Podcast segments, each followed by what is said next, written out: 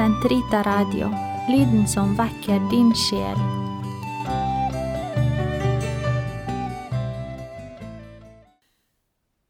Den katolske kirkes katekisme, uke 41, fredag 23.07 til 23.17.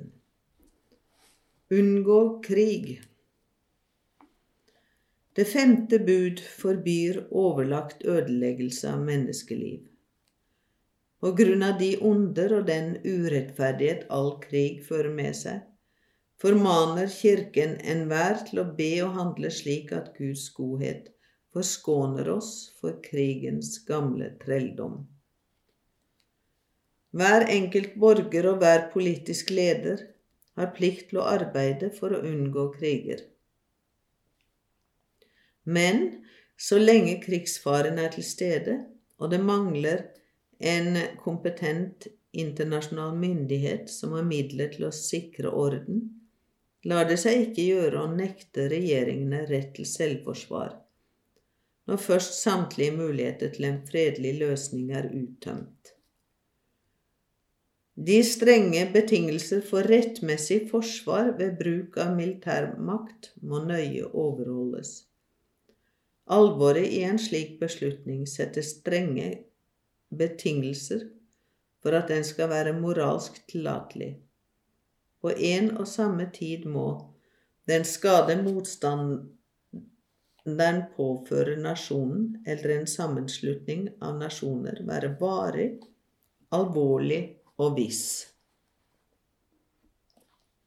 Alle andre midler for å stoppe den har vist seg å være ugjennomførlige eller virkningsløse. Det foreligger reelle betingelser for å lykkes.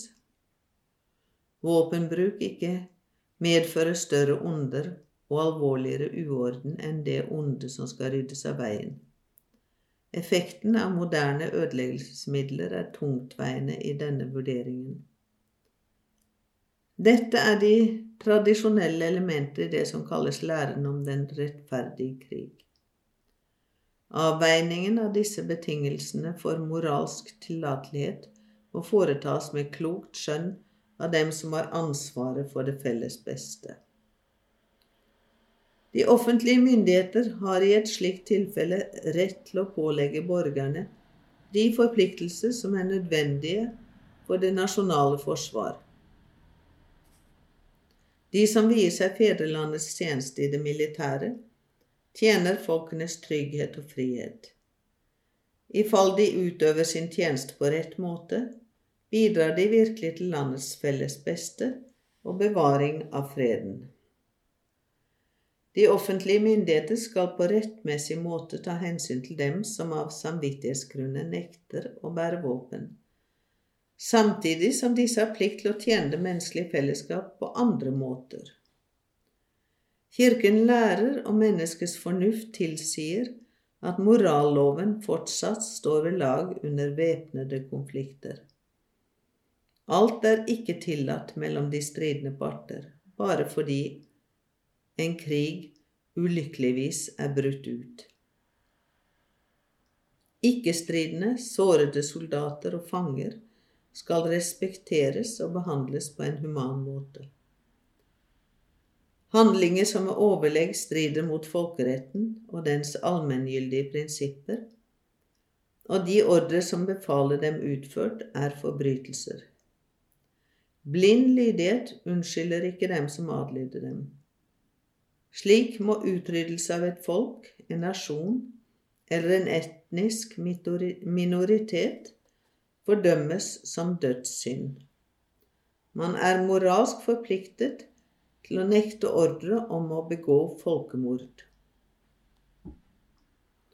Enhver krigshandling som uten forskjell tar sikte på å ødelegge hele byer eller store områder med dens innbyggere, deres innbyggere, er en forbrytelse mot Gud og mennesker. Den skal fordømmes helt ubetinget. Det er en risiko med moderne krigføring at den gir dem som sitter inne med vitenskapelige våpen, særlig atomvåpen og biologiske eller kjemiske våpen, anledning til å begå slike forbrytelser. Man ser på stadig større opprustning som en paradoksal måte å få eventuelle motstandere til å avstå fra krig på. I den ser de det mest effektive middel til å sikre fred mellom nasjonene. Denne avskrekkingsmetoden kaller imidlertid på alvorlige moralske reservasjoner. Våpenkappløp sikrer ikke freden. I stedet for å fjerne årsakene til krig, kan det komme til å forverre dem. Å anvende fantastiske summer på å fremstille stadig nye våpentyper stille seg hindrende i veien for hjelp til folk som lider nød. Det hemmer folkenes utvikling. Overopprustning forflerer årsakene til konflikt og øker risikoen for smitteeffekt. Våpenproduksjon og våpenhandel berører nasjonenes og det internasjonale samfunns ve og vel. Av den grunn har de offentlige myndigheter rett og plikt til å sette opp regler for dem. Å fremme sine egne private eller kollektive kortsiktige interesser kan ikke rettferdiggjøre tiltak som gir næring til vold og konflikter mellom nasjoner, og som dermed setter den internasjonale rettsorden i fare. Den urett, de uforholdsmessige ulikheter av økonomisk eller sosial art, den misunnelse, den mistro og det hovmod som rår, grunnen mennesker og stater imellom, utgjør en stadig trussel mot freden og forårsaker kriger. Alt det som gjøres for å overvinne denne uorden, bidrar til å bygge fred og unngå krig. Fordi menneskene er syndere, er det fare for krig, og det vil forbli slik inntil Kristi gjenkomst. Men i den monn menneskene er bundet sammen i kjærlighet og får makt over synden, blir vold også overvunnet inntil Skriften blir oppfylt. De skal smi sine sverd om til plogjern og sine spyd til sigder.